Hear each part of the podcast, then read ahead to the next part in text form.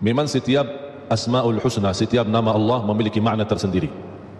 Bahkan kalau kita memperhatikan dalam Al-Quran, banyak Inna Allah Sami'un Alim, ada juga Sami'un Basir, ada Sami'an Alima, Sami'an Basira, Ghafuran Rahima, dan semua memiliki makna tersendiri. Salah satu contoh sederhana, kalau kita misal artikan kata Asyakur, Alladhi yu'til ajra al-kathir bil amal al-qalil. Bukan hanya Allah maha mensyukuri, tapi Allah membalas dengan amalan yang sedikit dengan pahala yang banyak. Itu salah satu arti dari syakur. Termasuk Al-Ghafur. Allah Subhanahu wa taala Maha Pengampun. Maha Penghapus dosa.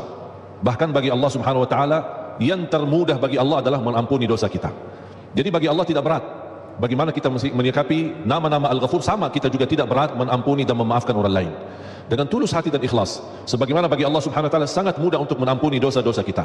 Seberapapun dosa kita sebesar apapun dosa kita kalau kita selalu ingat rabbighfirli Allahumma ghfirli dengan kata ghafur Allah Subhanahu wa taala dengan apa yang kita yakini dari makna kalimat ini Allah Subhanahu wa taala pasti akan mengampuni dosa-dosa kita. Beda sama orang yang berbuat dosa dan maksiat tapi dia merasa tidak bakal diampuni.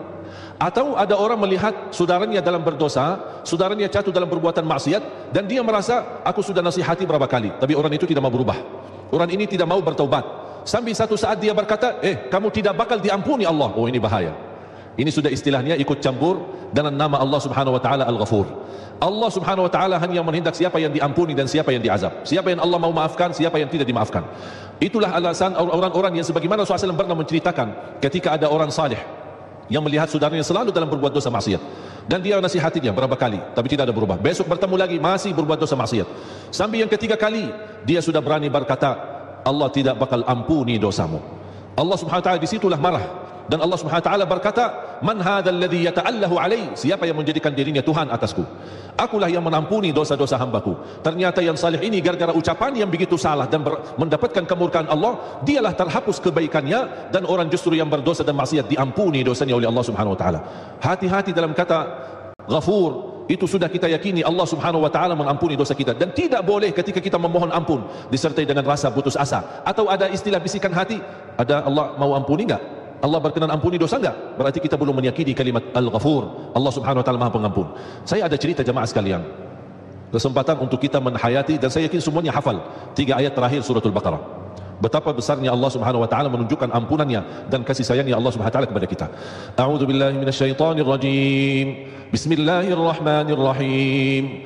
لله ما في السماوات وما في الأرض وإن تبدوا ما في أنفسكم أو تخفوه يحاسبكم به الله فيغفر لمن يشاء ويعذب من يشاء والله على كل شيء قدير ketika turun ayat ini para sahabat yang menerti bahasa Al-Quran memahami isi kandungan Al-Quran cukup mulianya mereka adalah guru mereka Nabi Muhammad sallallahu alaihi wasallam betapa berat dari makna lillahi ma fis samawati wa ma fil ard. Cuba bayangkan kalau kita hayati dalam ayat ini. Wa in tubdu ma fi anfusikum au tukhfu yuhasibukum bihillah.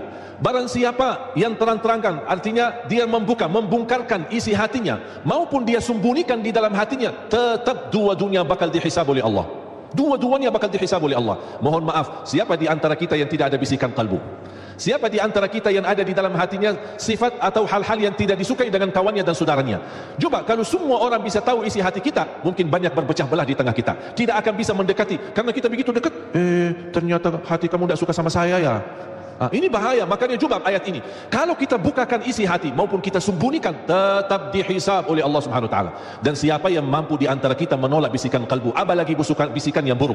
Ada enggak di dalam perasaan hati kita ingin berbuat dosa maksiat? Ternyata itu keinginan di hati pun bakal dihisab oleh Allah. Bisa jadi fayaghfiru liman yasha, bisa jadi wa yu'adzibu man yasha. Gara-gara bisikan ini bisa di, diampuni dan juga bisa di bisa diazab. Wallahu ala kulli syai'in qadir. Allah Maha mampu atas segala sesuatu termasuk bisikan kalbu.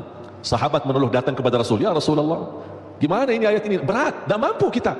Bagaimana sikap kita terhadap ayat ini? Semua termasuk apa yang kita fikirkan, apa yang kita bisikan dalam hati, bakal dihisab oleh Allah. Kayaknya berat ya Rasulullah. Rasulullah SAW hanya menyikapi satu, sami'na wa ata'na sami'na wa ata'na sami'na wa ata'na. Dan masih para sahabat merenung menyampaikan kepada Rasulullah SAW dan Rasul tidak melebihi dengan kata sami'na wa ata'na. Sampai mereka mengikuti Nabi Muhammad sallallahu alaihi wasallam. Sami'na wa ata'na sami'na wa ata'na. Sampai mereka benar-benar meyakini dan menerima walaupun begitu berat yang dihadapi oleh mereka tapi mereka menerima menunjukkan kepada Allah bagaimana sami'na wa ata'na. Kami sami'na mendengar perintahmu ya Allah dan kami bertaat kepadamu. Allah Subhanahu wa taala melihat sifat mereka ketulusan hati mereka keikhlasan mereka menerima walaupun berat.